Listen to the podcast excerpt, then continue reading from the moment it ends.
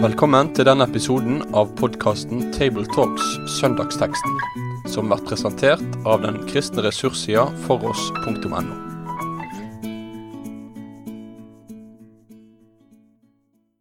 Ja, velkommen til uh, Tabletalks. I studio i dag sitter Jorunn Sjåstad, redaktør i Dogos og rådgiver i Bibelselskapet. Reidar Valvik, professor ved Det teologiske menighetsfakultet.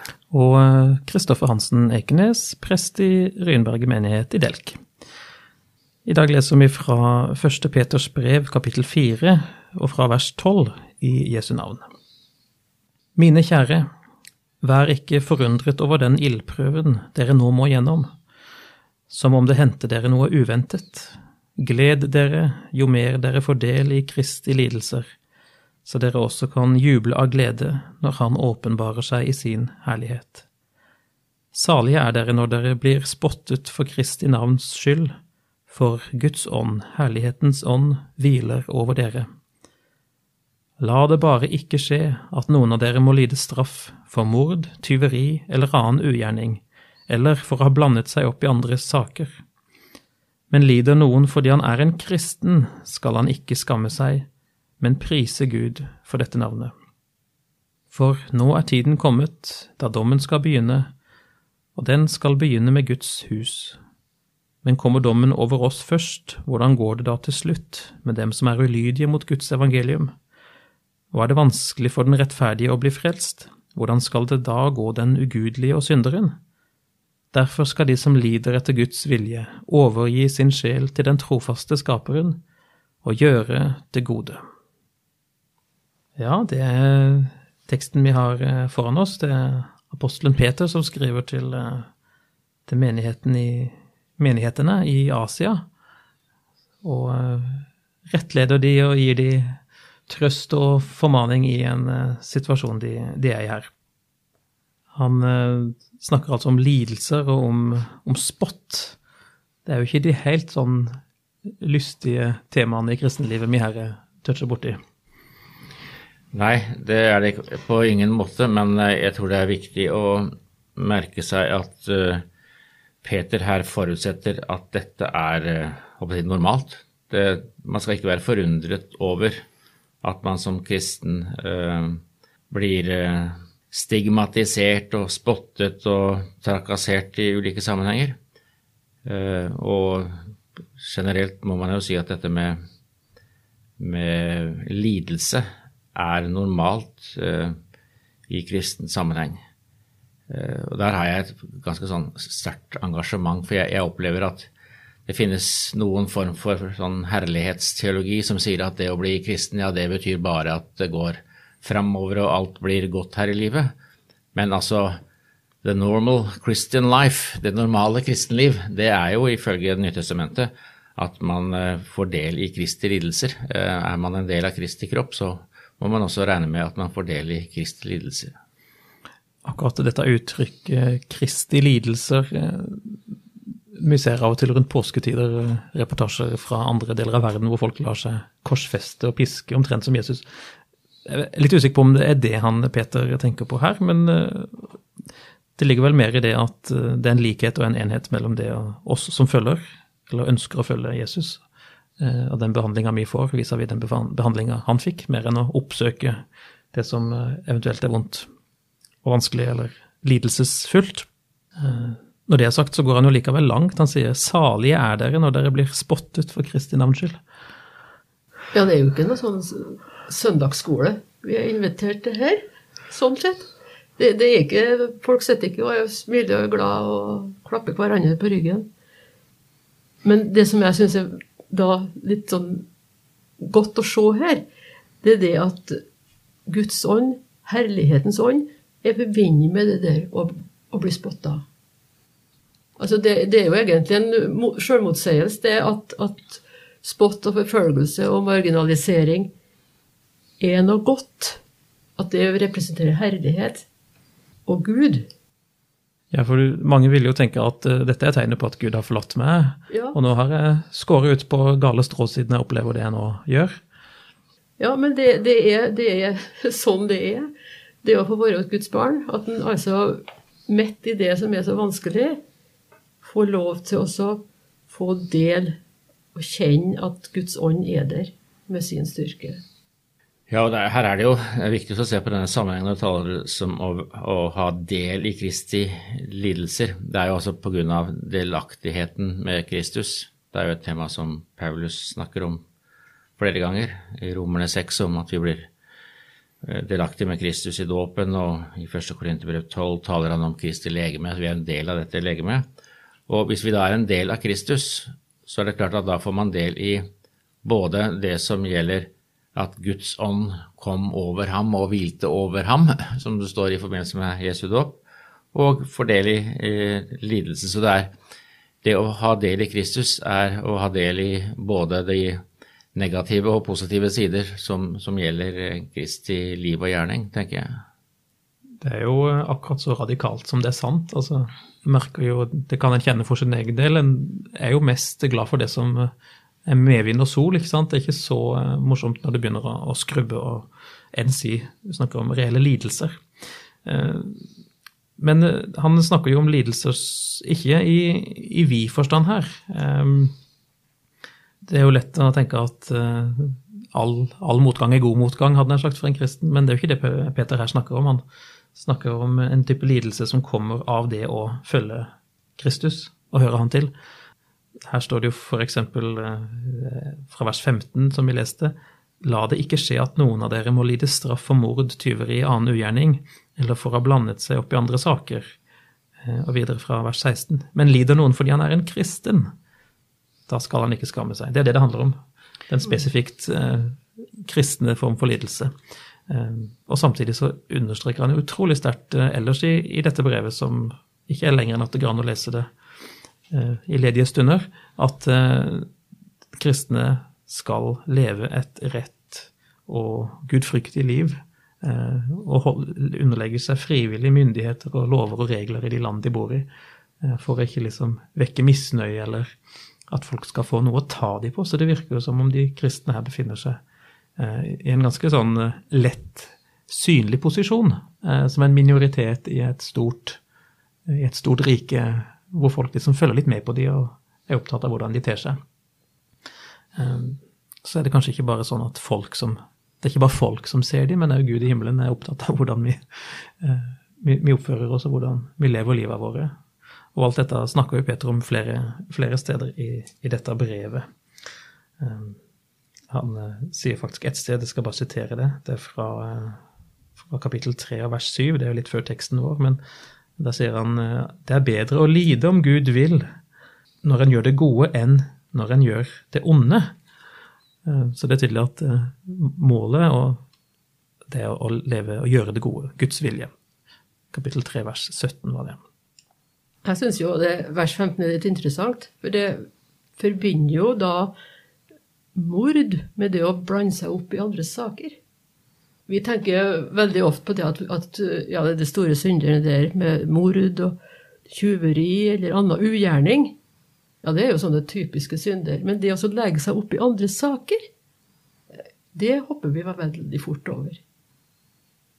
Og det tenker jeg kan være en liten sånn uh, tankevekker uh, for oss. fordi at vi er kanskje ikke helt ukjent med akkurat den synda.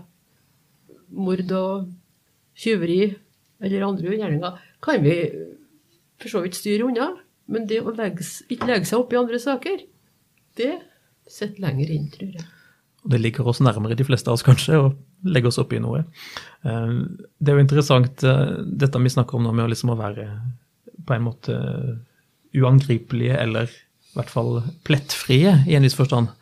Eh, vi som lever, vet at det er ikke verken så lett eller noe som vi syns virker helt mulig, men i alle fall så er det det som er målet for oss, eh, sånn som Jesus også snakker om i bergprekenen. Men eh, Vi har snakket om at Kristus er eksempel i lidelse, men han er jo også eksempel i livsførsel egentlig for oss som tror eh, på denne måten.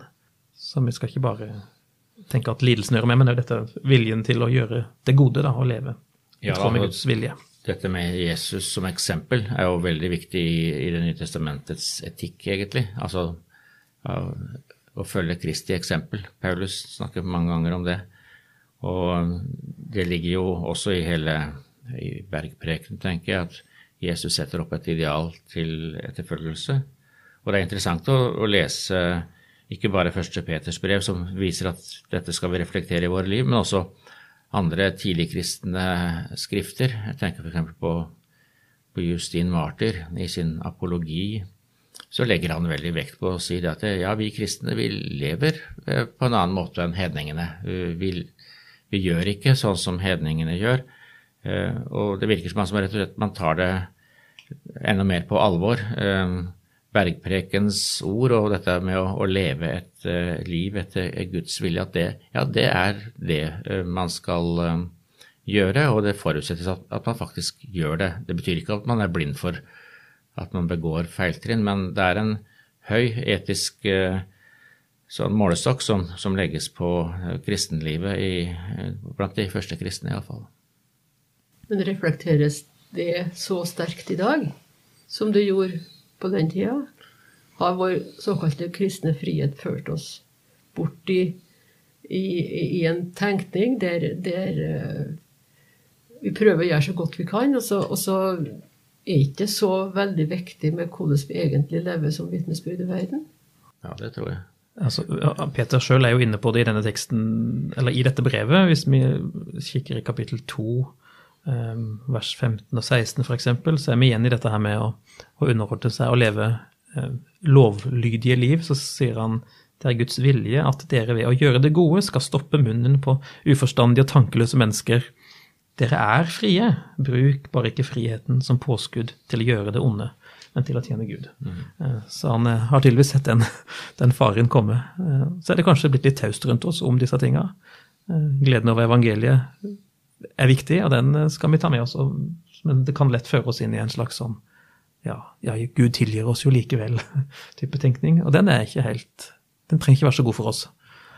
Nei, og da tenker jeg det at gleden over evangeliet vil avta etter hvert som vi gjør mindre og mindre synd, for å det sånn sette litt på spissen.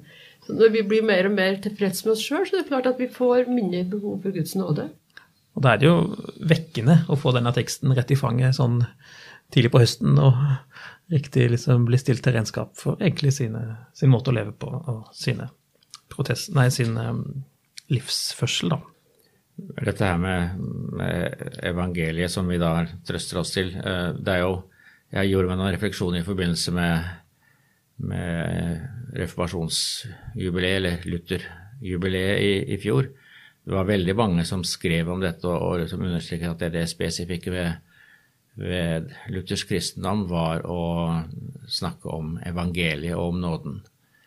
Men eh, tradisjonell luthersk teologi har jo understreket at det spesifikt lutherske det er understrekingen av lov og evangelium.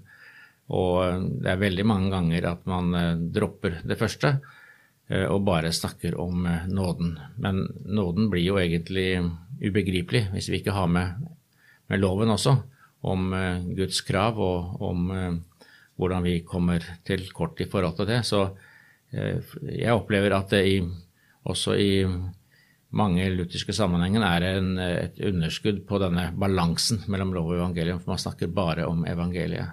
For all del, altså evangeliet er, det er kjernen og det aller viktigste, men det skal være balansert i, i forhold til det som har med Guds lov å gjøre. Og der kommer jo da den andre delen av teksten, egentlig veldig følger veldig godt opp det, det, temaet, tenker jeg. Da tenker du fra vers 17, fra vers 17 og utover. Ja. For da begynner du å snakke om dommen. Altså, det er jo Guds dom, ikke vår dom, eller medmenneskene vår sin dom. Og den dommen som skal da begynne med Guds hus, og som da skal vi si setter den kristne eh, ansikt til ansikt med sin, egen, med sin egen livsførsel. Og ikke bare i sitt eget lys, men altså i Guds lys. Så har du dette uttrykket å være ulydig mot Guds evangelium. Jeg lurte på om det, hva, hva, betyr det egentlig, å skulle være ulydig mot evangeliet? Hvis evangeliet først og fremst er Guds gave, hva er da den ulydigheten? vår? hva skal det gå på, egentlig? Ja, hvis vi ser på en annen som bruker dette uttrykket, så er jo det, det Paulus, som snakker om å om de som var ulydige mot evangeliet, og det, det er i rombrevet.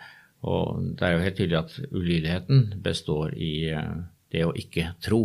Altså det er ikke noe eh, Tro og lydighet eh, står veldig tett sammen i Paulus' teologi. At det å, være, å tro på evangeliet og være lydig mot evangeliet, det er på sett og vis uh, samme sak. Da høres det på en måte ut som han sier loven i tillegg. Altså lydig mot evangeliet, men samtidig er jo lydig mot Guds vilje. Og på en måte kobler det litt sammen likevel? Ja, det kan hende, men jeg tenker nok primært at, at liksom Guds uh, Eh, endelige ord til oss mennesker, det er jo kommet gjennom Han som selv er Ordet, eh, og vi skal være lydige mot eh, ham. Det er jo grunnleggende å tro på ham og hans gjerning, og hele hans gjerning må vi forstå i, i denne her spenningen mellom lov og evangelium. Så sånn sett henger det ikke sammen. Det er jo, Vi nevnte det så vidt litt i stad, men denne, liksom hvis vi tenker på, på settinga som, som, dette brevet er skrevet i, så er det jo ganske tidlig i kirkas historie dette vi nå befinner oss. Og kristne var en liten minoritet som, som, var på vei ut i verden. Det er lett å tenke at det ikke ligner så mye på, på vår situasjon i Norge, eh, som har hatt en eh, statskirkeordning i har vært et kristent land på mange måter i tusen år osv. Men har et sånn magefølelse på at vi i tida som kommer, liksom vil bli mer og mer like disse menighetene som, eh, som Peter her skriver til. Um, hvor vi, det å være å følge Kristus vil bli noe litt sånn sært og, og, spesielt, som folk legger merke til. Så kan vi kanskje si at det er blitt så, litt sånn allerede. Um, jeg tenker på f.eks. hvordan uh, særlig medier og sånt, men mange er veldig opptatt av når kristne gjør feil, eller uh, gjør åpenbare lovbrudd. Ofte handler det om triaden med sex eh, og penger og vold i ulike kombinasjoner, som på en måte har en sånn utrolig kraft i vårt samfunn, så kan vi si at det handler om at folk forventer at kristne skal være annerledes. Eh, men mer enn det, så er det faktisk sånn at Gud sjøl har den tanken. Eh, og i den situasjonen så syns jeg liksom Peter er veldig sånn Han er ganske hjelpsom og støttende, tross alt. Eh, for han sier, eh, som du var inne på, Redar, at dette er jo helt normalt å kjenne på denne motgangen. Og bli liksom plukka på eh, og spotta. Ikke kanskje forfulgt sånn i første omgang, men i hvert fall møte motgang. Og kanskje vi må begynne å venne oss litt til den tanken. Og at denne teksten egentlig hjelper oss litt til å få øye på det. At det kan bli litt tøffere tider. Og når det sagt, så er jo ikke Peter bare mørk og liksom Han ser ikke bare det. Jeg syns han i hele brevet sitt som man altså godt kan lese i sin helhet. Han tegner opp litt, sånn, litt to, to, flater, to, to, objekter vi kan feste blikket på. og Det ene er forfølgelse eller spott, motgang, livets fortredelighet, eh, og hvor vanskelig det kan være å, å leve et rett liv. Men på den andre sida så begynner jo brevet hans med noe av de flotteste orda i Det nye testamentet, kapittel 1 og vers 3 som for øvrig lyder i de fleste begravelser i dette landet. Lovet være Gud vår Herre Jesu Kristi Far, Han som i sin rike miskunn har født oss på ny til et levende håp ved Jesu Kristi oppstandelse fra de døde, til en arv som aldri forgår, aldri skitnes til, aldri visner.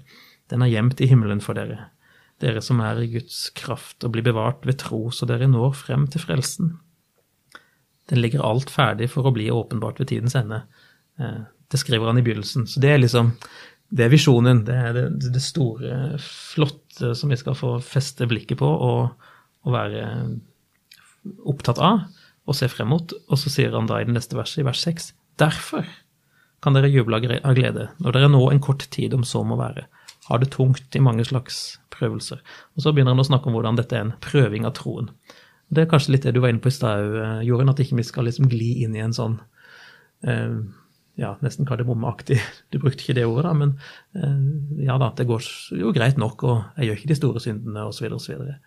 Men han, eh, han forutsetter at troen vår trenger prøvelse eh, fordi den er så verdifull. Akkurat som gull, sammenligner det med det i vers, vers 7, så er jo troen noe så verdifullt at den må prøves for å bli holdbar og, og sterk, egentlig, da, sånn som jeg forstår han. Så han, han tegner jo dette flotte bildet av nettopp troens uh, store viktige plass. Så ikke den skal få lov til å bli en liten ting eller noe vi ser på som selvsagt eller ja, uviktig for den del. Kunne jeg lyst til å komme en kommentar til uh, det nest siste verset, hvor eh, Peter siterer fra ordspråkene 11. Der står det og er det vanskelig for den rettferdige å bli frelst, hvordan skal det da gå med den ugudelige og synderen? Uh, og det er jo et godt spørsmål, og der tenker jeg det er litt mer å si enn det som, som Peter her liksom fokuserer på. Han legger jo vekt på at uh, de kristne skal leve på en annen måte, for all del, og det skal vi ikke underslå. Men hvis man spør, spør hvordan skal det da gå med den ugudelige og synderen, så vet vi at vi har Eh, ord av Jesus f.eks. som sier at han er ikke kommet for å kalle rettferdige, men syndere.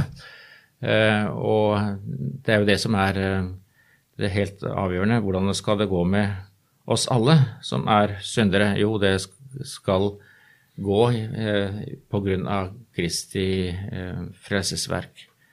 Eh, for det er klart at det eh, Jeg tenker også på denne historien om, om den rike unge mannen hvor Jesus da sier at det, er lettere for en eh, kamel å komme gjennom et nåløye enn for en rik å komme inn i Guds rike. Og da spør jo disiplene hvem kan da bli frelst?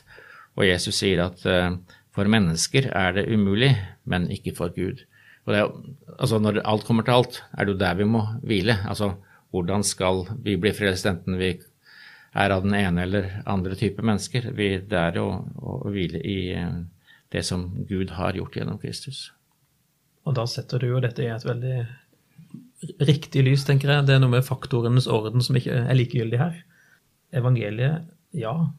Eh, og ut av evangeliet springer så å si det nye livet, som i sin dypeste forstand er knytta til det å være forent med Kristus, ikke sant? som vi snakka litt om tidligere, eh, i dåpen osv.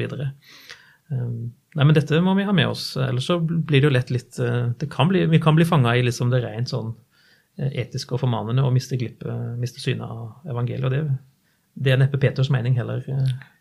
Han starter jo veldig tydelig der, ja. tross alt, i hele sitt brev. så... Men det er akkurat som at han snakker om, om disse tingene om igjen og om igjen på ulike måter i hele brevet. Så det er tydelig at han òg ser behov for å liksom minne oss om det. Midt i evangeliets gave, eh, som vi virkelig lever av og lever i så er det denne faren for at vi glir over i en slags likegyldighet, tydeligvis, som han adresserer veldig, veldig sterkt her, og, og, og, formaner om et rett liv, og med de da forfølgelser eller eh, motstand og, og, spott som vil følge i den forbindelse. Så det er praktisk og, og god eh, veiledning på både evangelisk og lovens grunn, kan det se ut til. Mot slutten av teksten vår så har han jo det, kanskje det mest konkrete utmynting av dette rådet sitt, da, eh, hvis vi kunne kalle det for det. Eh, han sier i vers 19 eh, derfor skal de som lider etter Guds vilje, det er det som jeg har sagt, de som lider fordi de er kristne, og på tross av at de lever rett nærmest. Derfor skal de overgi sin sjel til den trofaste skaperen og gjøre det gode. Så kunne vi, uten å fornærme Peter, sikkert føye til å stole på Kristus. Og stole på, på evangeliet. Så det er fortsatt ramsalt, og det, det, er ikke så Det er ikke lette ord han gir oss, men eh, jeg opplever likevel at han gir håp. Han tegner jo opp noe Det er jo på en måte ganske sånn innbydende og, og det er noen fristende ved det, på en måte, da, positivt forstått. Eh, det han tegner opp, det kristne livet. Eh, han tenker stort om det. Eh, så tenker jeg kanskje det er det vi skal ta med oss som, som en mulig oppsummering, at det å leve som en kristen er ikke noe lite. Det er en fantastisk og viktig ting. Så kunne det være en slags eh, oppsummering eventuelt av denne teksten. Jeg tenker jo òg det at lesetekstene denne søndagen er en, en, fin illustrasjon rundt det som vi har snakka om nå. Og det inneholder både den der det vonde som du kan føle når, når du utsettes for sånn lidelse, som det Peter snakker om her. Men i den lidelsen så skal han likevel få lov til å rope til Herren og si 'Hvor lenge, Herre?' Sånn som det da står i Salme 13. Mm. Og, og si at uh, 'Gi mine øyne lys, så jeg ikke sovner inn i døden', og 'Jeg setter min lit til din miskunn'. Altså Midt i det der som er, er så uforståelig og vondt, rent menneskelig, så får han lov til å si det. At sånn føler jeg det. Sånn er det bare. Jeg har ikke noe annet å gjøre enn å, som det står her hos Peter, overgi min sjel til den trofaste skaper. Og samtidig så har du den som er satt opp som lesetekst her, men som er da evangelieteksten, der Jesus sier at ja, salige er dere når de for min skyld håner og forfølger dere, lyver og snakker rundt om dere på alle vis. Gled og fryd dere, for stor er lønnen dere har i himmelen. Så det er Du har hele perspektivet fra det, den hjelpeløse til han som kan gjøre salig. Og vi får lov til å leve i den spenningen. Og dermed er det jo tegna en himmel over vårt liv, ikke sant? Et mål der fremme. Da takker vi for oss eh, for denne gang, og eh, viser videre til ressurser på foross.no. Der finnes eh, bl.a. en artikkel om den nødvendige åndskampen av Geir Otto Holmås, som kan eh, være til hjelp i denne sammenheng. Eh, og tilsvarende en artikkel om Hva er håp? av Nils Nyman Eriksen. Med det sier vi takk for følget for denne gang. Finn flere ressurser, og vær gjerne med å støtte oss på foross.no.